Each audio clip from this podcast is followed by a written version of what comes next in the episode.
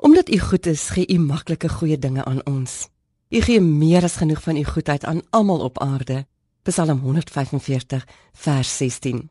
Soms sien ons skielik 'n vars nuwe oggend raak. Dan is dit tyd om 'n gerfie blomme en 'n mooi potjie op tafel te plaas, te luister hoe die duwe koer en sonstrale op jou veld te geniet om die lewe te vier. 'n Nuwe lewensfokus vir gesels dikwels so 'n dag. Om heel te wees en heel te bly, verg egter dat ons ondersteuning by die Vader vra en veral met emosies wat in 'n warboel is en waardes, besluite en oordeelsvermoë bedreig. Wanneer ons balans en harmonie vind, kan ons vinniger herstel en genees.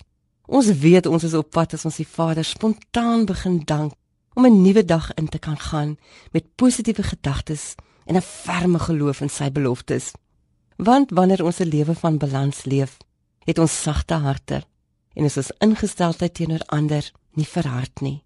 Daar mag dalk oomblikke wees wat ons voel ons wil opgee en oorweldig voel en om dan ons balans terug te kry.